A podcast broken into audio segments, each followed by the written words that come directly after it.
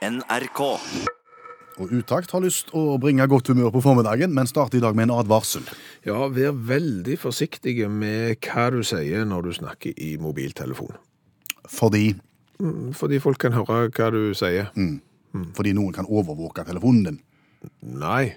Eh, Og jeg må gjerne poengtere dette bitte litt bedre, da. Ja. Eh, Vær veldig forsiktig med hva du sier når du snakker i mobiltelefonen i bilen over såkalt handsfree. Det er jo påbudt. Ja, det er jo det det er. Eh, Og det er derfor vi kommer med denne advarselen. For handsfree i bil er påbudt, eh, og dermed må du være veldig forsiktig når du bruker det. Ok. Eh, mener du da når du er i fart og kjører fulle, fulle fart på motorvei, eller eksempel når du står parkert på en parkeringsplass? Jeg tror fulle, fulle, fulle, fulle fart på motorveien er ikke så farlig. Da må du snakke i handsfree, for det er påbudt. De farlige situasjonene oppstår jo når du står eksempel helt i ro på parkeringsplassen ut forbi jobb og skal avslutte den samtalen du har. Hva er det som skjer da? Det som skjer da, er jo at de som står ut forbi bilen, selv om du har dørene igjen og vinduene oppe, hører hva som blir sagt. Hører du det veldig godt? Ja. Akkurat. Ja, eh, og nå er det nok noen som vil si ja, men det gjelder nok utelukkende deg, Skjæveland, for du kjører jo en sånn en amerikansk dyre lommelykt av en bil, og det finnes jo ikke dårligere støyisolering i noen bil i hele verden enn akkurat den. Men det er ikke sant. Det gjelder mer enn Tesla. Ja, det gjør det. Du har hørt det òg. Ja, ja, du hører det stadig vekk. Du går forbi biler som står parkert f.eks. ut utenfor en forretning. Fruen er inne og handler. Mann sitter og snakker med noen andre i telefon. Du hører alt som blir sagt. Det vil si, du hører ikke det som den som sitter i bilen sier, Nei. men den som ringer til. Eller den som blir ringt til. Den som er i andre enden, den hører du. For det som skjer, når du bruker et handsfree-system eh, som er fabrikkmontert, så brukes høyttalerne i bilen for å gi den lyden som den du snakker med gir fra seg. Stemmer det. Disse høyttalerne er jo svært ofte plassert eksempel i dørene på bilen. Dørene er jo et alle tiders eh, lite kjekt resonanskammer. Hva betyr det? Det vil si at liksom lyden får bevege seg fram og tilbake og blir på en måte nesten som en liten forsterker. Og, dermed så, så når, når lufta beveger seg inn i døra, fordi høyttaleren beveger seg og sånn, så kan du stå på utsida og klart og tydelig høre hva som blir sagt. Ja, for det som ofte skjer er jo at du også har bilen i gang, og for å overdøve litt motorstøy og sånn, dersom du ikke kjører elektrisk, så skrur du jo da litt ekstra opp på de høyttalerne, Ja, som i tillegg får hjelp av dørene, som du sier, Ja. og så har vi det gående. Og vi er ikke de eneste som har opplevd dette. Når vi begynte å snakke om dette, så sier alle ja, ja, ja, det har jeg hørt. det har jeg hørt. Det var jo sågar en som hadde hørt eh, en skilsmisse på telefonen. Ja, Det er jo for så vidt ut forbi Rema 1000. Ja, det er jo for så vidt artig eh, for den som står ut forbi bilen, men hadde de som var involvert i selve skilsmissen og snakket med hverandre på telefon, visst at vedkommende ut forbi hørte alt, så hadde de sagt det var litt ugreit. Vi skal nå vise dette her i praksis, for det vi nå har gjort. eh, Nå har vi eh, spilt inn først en vanlig telefonsamtale her fra studio og inn i en bil. Ja, jeg satt i bilen. Mm. Hør på dette. Dette er en tenkt telefonsamtale mellom to menn. Hei, Bjørn Olav her. Hei du, Per Øystein. Hei, hvordan går det? Jo, det går greit med meg. Jeg må, jeg må si det. Jeg var jo i selskap i helga. Og det var, det var ikke bare kjekt, det, for å si det sånn. Du husker jo Arnstein, onkel Arnstein? Ja, hva, hva, hva med han? Nei, altså Vet ikke det. Altså, han har jo slitt med kols. Det har vært veldig mye kols. Og, og nå spørs det ikke om det er noe med prostata òg, i tillegg til, til, til, til noe som han ikke har lyst til å snakke om i det hele tatt. Men, men vi har jo våre mistanker om hva det kan være, og det Ja. Han har jo vært mye ute og reist, onkel Arnstein, du vet det. Han eh, For å si det sånn, vi snakker sjømann. Vi snakker sjømann. Men, men, men du, som sagt, eh, dette, dette blir mellom meg og deg, ikke sant? Ikke, ingen, andre, ja. ingen andre vil få høre om dette.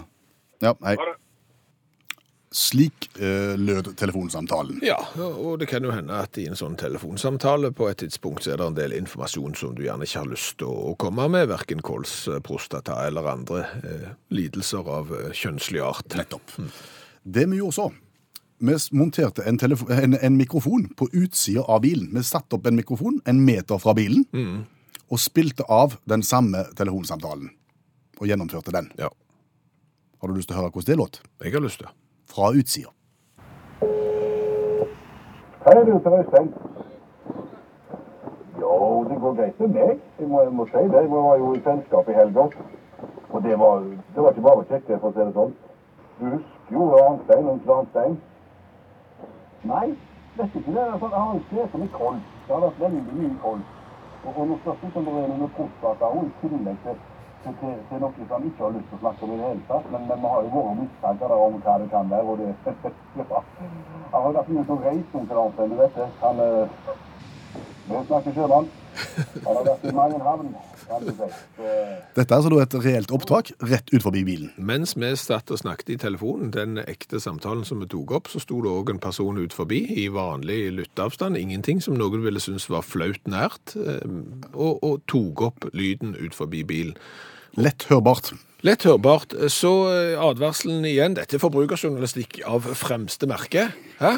Jeg vil si det. Ja, vær forsiktig med hva du sier i mobiltelefonen når du sitter i bilen og snakker i handsfree. Husker du Bobby Leach? Hvem kan glemme Bobby Leach? Nei? Bobby Leach var vel han som var andre mann i tønna ned Niagara-fasen, og som overlevde det. Ja, han overlevde det, men han overlevde ikke å skli på appelsinskall. Han fikk en skade i foten, fikk koldbrann og døde. Så våghalsen Bobby Leach døde på en kanskje litt ufordelaktig måte i forhold til våge og motet hans. Han vågte å renne ned fossen i tønna, og vi sier han var altså nummer to i historien. Ja. Og det gjør oss jo veldig interessert i han eller hun som var nummer én. Ja, eh, og jeg har brukt helga nå til å lese meg opp litt på, på, eh, på det som har skjedd i forbindelse med masse turer ned eh, Niagarafossen. Kan du fortelle oss litt om hvordan Niagarafossen ser ut? Det kan jeg godt. Altså, det er jo egentlig tre fosser som går sammen til én. Og det, det, det er stort. Det er på grensen mellom Canada og USA. Jeg har veldig lite sånn forhold til kubikkmeter og sånn, men jeg vet at kubikkmeter er mye. Eh, Og denne fossen, Niagarafossen, 5720 kubikkmeter vann per sekund. Ja, Det er veldig, veldig mye. Det er veldig mye. Det er faktisk seks ganger mer enn Victoria-fallene, og Victoria-fallene har mye, så dette er mye, mye mer.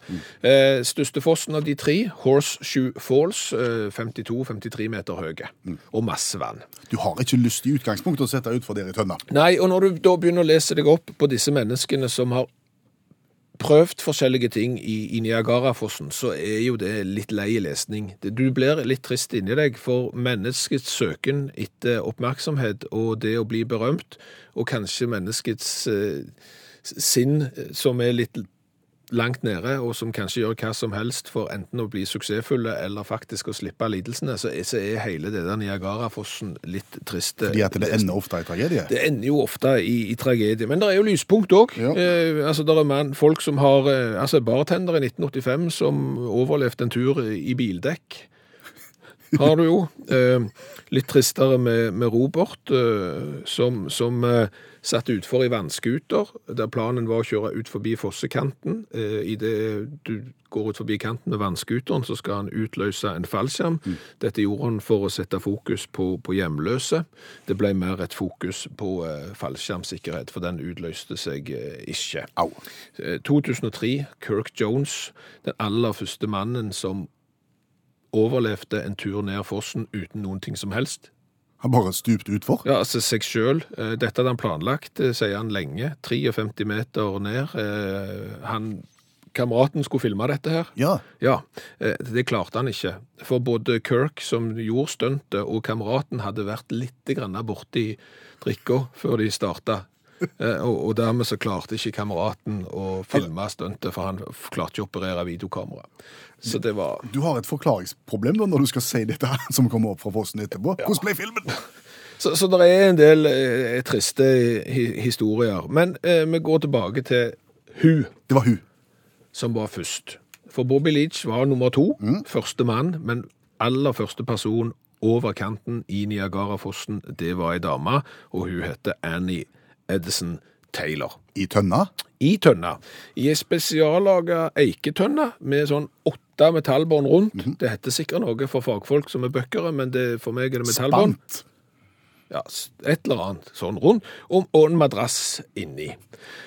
Hun gjorde dette fordi hun var en pensjonert lærerinne og hadde lyst å sikre alderdommen sin økonomisk. Tenkte at dette kunne gi berømmelse og penger på bok. Eh, Hun ville unngå fattighuset. Så hun fikk da tak i denne spesiallagte tønna, og to dager før selve stuntet så testa hun om tønna ville tåle belastningen. Det gjorde hun ved å hive katten sin oppi. Eh, Tønna holdt, eh, katten overlevde òg, og da var det jo ingen vei tilbake. OK, katt i, i Niagarafallene? Ja, ja. Oh, ja. Så det var generalprøven. Katten var før mennesket ut forbi Niagarafossen. Så da på 24. oktober 1901, på eh, Annie sin 63-årsdag Å, gå an. Du er voksen da. Ja, så ikler du deg tønna? Så ikler du deg tønna, som da er forte med litt madrass. Setter deg oppi, eh, får en kompis til å pumpe luft inn i tønna ved hjelp av en sykkelpumpe. Eh, opp til 30 PSI. Fagfolk vet sikkert hvor mye det er, men det er jo mer litt sånn som jeg har i bildekka mine. Pumpe luft inn i tønna, på med korken, rett og slett en kork, og så setter du ut forbi fossen. Og hun setter ut forbi Horseshoe Falls, altså det høyeste punktet og det villeste punktet. 253 meter ned. Hvordan gikk det? Det, det, hun overlevde. Eh, 17 minutter etterpå så fant de henne og fikk eh, åpna tønna. Hun uttalte vel det at hun ville heller stått foran munningen på en kanon som hun visste ville gå av, enn å gjøre det der stuntet en gang til. Så hun hadde fått litt medfart, men hun var ikke spesielt skada, bare litt kutt i, i hodet og sånn. Ble hun rik? Nei, hun ble ikke det. Hun klarte ikke tjene penger på historien sin, og bedre ble det jo ikke når manageren, han Frank, stakk av med tønna. Så hun kunne jo ikke dra rundt og vise tønna hun hadde satt ut forbi Niagarafossen heller, for den hadde Frank tatt. Så hun endte da opp med å stå og selge suvenirer over Niagarafossen, signere autografer og la folk eh, ta bilde av seg sjøl sammen med hun. Du husker jeg og du var i Vegas? Ja, ja, ja. Bestilte enkeltseng og fikk ei seng som var så stor at du sikkert kunne ha husa en hel familie oppi den. Men det var alle tiders plass. Og Du glemmer ikke Vegas hvis du har vært der. Men jeg tenker du skulle jo ha vært i Vegas da, nå du i, løpet av de siste ukene. Ja, for det har jo vært en sånn eh, consumer electronic-messe, altså sånn eh, for oss som liker ting som går på strøm, og det var jo veldig fokus annet på, på elbiler, det liker jeg, eh, og store fjernsyn, det liker jeg òg. Så der samles hele verden og ser på trender innenfor den slags. Men mer enn det, vel? Ja, men det som kommer fram i norske aviser er ofte bare elbil og sinnssykt store eh, TV-er. Så derfor, eh, for å få et virkelig innblikk i hva den eh, elektronikkmessa faktisk kunne vise fram, så har vi fått inn allmennlærer med to vekttall i musikk, Olav Hove. Som rapporterer fra Vegas. Ja, det er jo de fremste geniene i elektronikkbransjen som møtes, men òg de som ikke er så fremst. Og dermed så får du en stort spekter, kan du si. Og i år, for eksempel, på lavt nivå, ganske mye eh, karaokemaskiner, faktisk. Nå jeg, får du med røykmaskin innebygd. Um, du får litt sånn laser. Eh, og så har du den, kan du si den største, da, sånn, sånn Antares Audio Technology har laga. Det er en såkalt fylleangstredusator. Det er karaokemaskin med autotune. Det vil si at uansett hva du raljerer inn i denne mikrofonen seint på kveldstid, så vil det komme nokså greit ut. Innenfor rimelighetens grenser, selvfølgelig. Altså Skal du synge Macarena og begynne på Benno Bakkar og Berg, så er det ikke mulig å redde deg. Men lavt nivå. Eh, og hvis vi er lagt nede, eh, smart undertøy eh, kommer for fullt i år. Eh, da måler du puls, temperatur og væsketap i eh, undertøyet ditt. Eh, med sensorer som ligner på resten av tøyet. Nå ble jeg bitte litt satt ut. Væsketap i undertøyet, det kalles vel drypping, det da? Nei, men det er det, du har jo òg undertøy oppe for de som er damer, da. Oh, ja, sånn. BH-er og sånne ting. Der, der alt det her. 4500 kroner for en åttepakning. Eh, Med, med dette her, Batteriet varer i 24 timer, og da må du lade BH-en. Jeg vet ikke om det kommer til å selge så godt. Du har fått stråleblokkerende boksere i år. Eh, Sånn at du kan ha mobilen i lomma uten at du frykter store konsekvenser av det.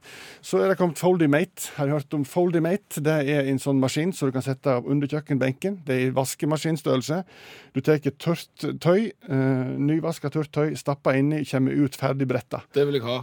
Ja, det vil du helt sikkert ha. Nå må du vente, vente litt, for det kommer ikke ut for neste år, men det ble presentert nå.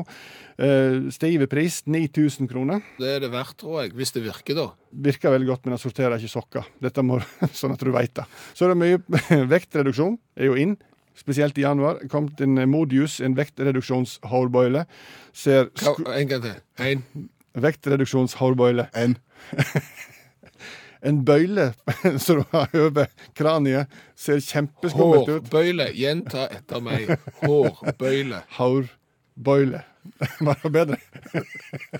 Som, som fungerer på hvilken måte? Ja, Du har den over, over, over hodet ditt, over kraniet, eh, og så har du da eh, ørepropper inn i ørene. Ser kjempeskummelt ut. Eh, grell farge.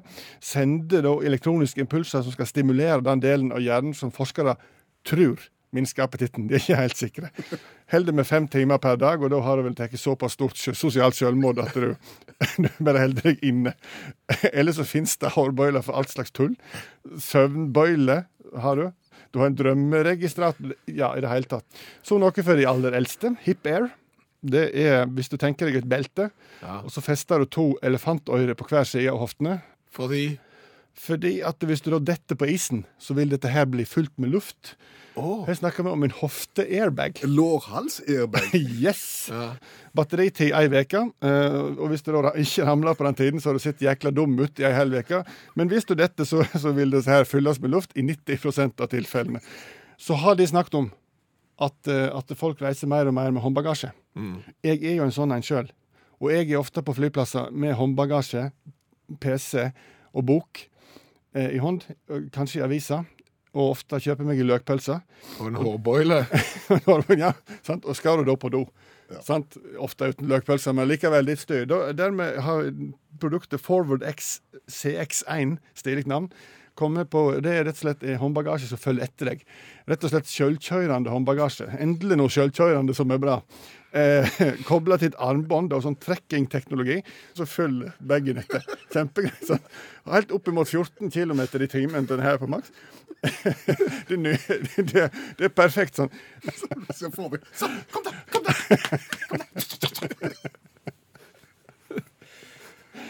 Tusen takk for den rapporten fra Las Vegas. Allmennlærer med to vekttall i musikk, Olav Hove. Og gjenta etter meg. Hårbøyle. Haurbøyle. Hårbøyle. Jeg klarer ikke. Og vi foretar et brutalt skifte til dagens revyvise. Stemmer det. Skriv en uh, liten stubb på 27 sekunder om et aktuelt tema. Det er utfordringen vi gir hverandre hver eneste dag. Ja. I dag vil du til, Holmenkollen. til Holmenkollen. Ja. Hopprenn. Nei, eh, til en nabotvist i Oslo S. For det er nemlig sånn at en eh, nabotvist eh, i Holmenkollen har nå havna i Oslo eh, tingrett. Det er et par der som saksøker naboene sine. OK. Og Det gjør de fordi at de har ikke beskåret nok av eh, de to hekkene de har. Ok, En nabo mener naboen har for høy hekk. Ja, og, og det fine er jo at eh, denne naboen har en fem meter høy tujahekk av typen smaragd, vel å merke, okay. som er mellom eiendommen og en tredje nabo, Ja vel. mens hekken eh, på to meter eh, er mot naboparet, så saksøker de, eh, men de saksøker de da for eh, både fem og to meter hekk. Fem meter hekk er jo litt Fem meter hekk er jo faktisk litt, 110 meter hekk er jo mye mer, men, men fem meter hekk er, er ganske voldsomt, Ja. eh, og litt ugreit når du skal klippe det sikkert. OK. Eh, er det her ordet sagsøking kom inn i bildet, på en måte? Eh, Jeg skjønte ikke den, men jo da, jeg skjønte den. Det er sannsynligvis. Men eh, i forbindelse med at nå denne tvisten her skal opp i Oslo tingrett denne uka, så har eh, jeg lagd ei feiende flott revyvise om det.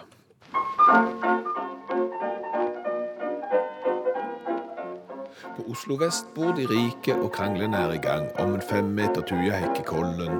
Advokater er hyrt inn til tusenvis av spenn med en hekkbeblandet tomt i skurkerollen, og i denne uken møtes de i retten for å lovbehandle størrelsen på hekken.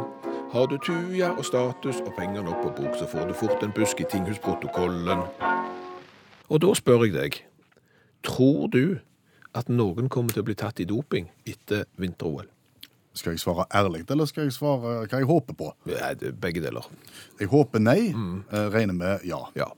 Ja, nei, det kan godt hende. Eh, nå er jo en del russere får jo ikke lov å komme, og selve Russland får jo heller ikke lov å komme. De må sende et annet flagg, så de kan gå unna.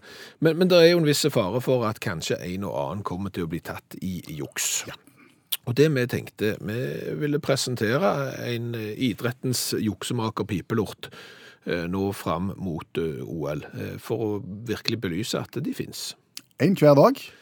Og noen har du hørt om, Mange har du ikke hørt om. Ja, men vi hopper over Lance Armstrong og, og Ben Johnson og kanskje absolutt alle som konkurrerte for Øst-Tyskland. Eh, de, de får ikke lov å være med, for de har vi hørt om før. Men vi tenkte vi kunne begynne i dag med mannen som ble kalt for Boris Cheat.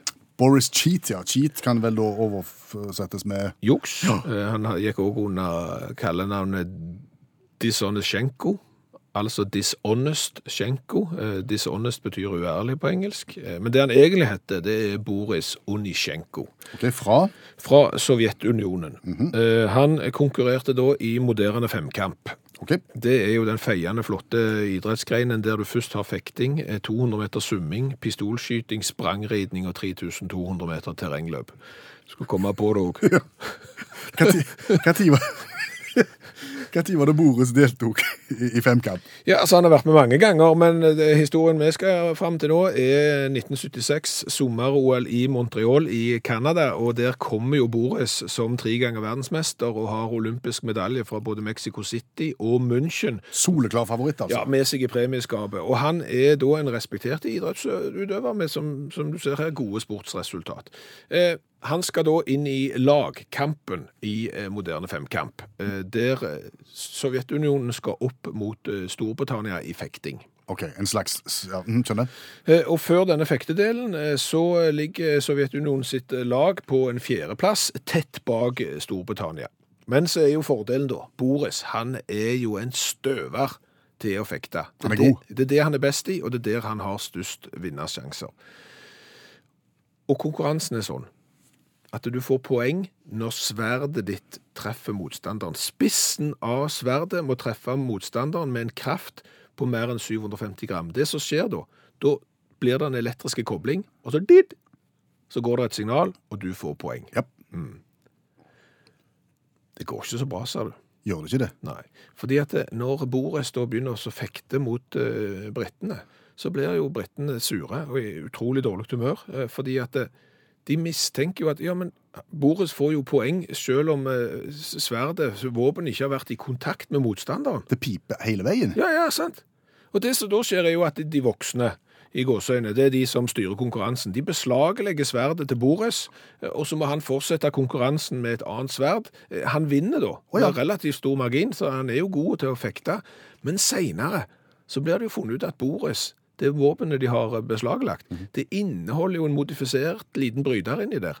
Sånn at Boris selv kan bare trykke på bryteren og registrere poeng uten å ha vært i faktisk kontakt med, med motstanderen. Ai, ai, ai. Hva tror du skjer da? Han blir diska. Det er helt klart. Han blir sendt ut av OL, eh, mottar en del trusler fra andre idrettsutøvere og blir eskortert tilbake til hjembyen Kiev.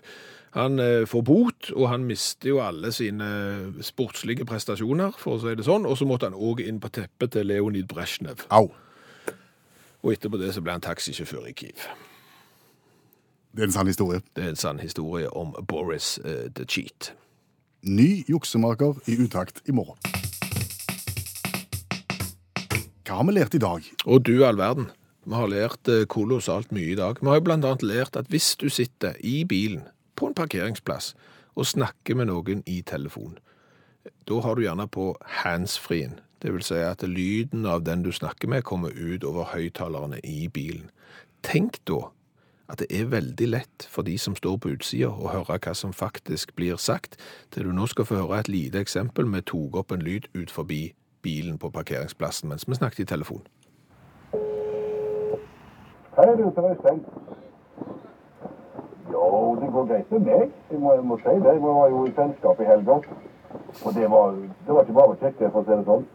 Du Arnstein Ingen problem å høre hva som blir sagt, selv om du står en meter fra bilen på utsida. Ja, på utsida. Og Gunvor eh, hun bekrefter dette. Hun jobber i butikk, og der er parkeringsplassen rett ut forbi. Og hun har ufrivillig vært vitne til mange telefonsamtaler fra parkerte biler med handsfree, og de kan faktisk høres godt helt inn i butikken. Så vær oppmerksom på det.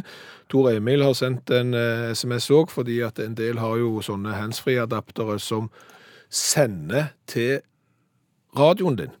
Via sånn god gammeldags FM-teknologi. Det er ikke så sjelden nå i disse DAB-tider. Og- det er klart at når du da begynner å sende eh, radioprogram, og det radioprogrammet du sender en telefonsamtale mellom deg og en annen, eh, så er det jo flere som kan ta det inn. Det er jo relativt eh, artig. Da skal du vite hva du snakker om, og, om ikke minst med hvem du snakker.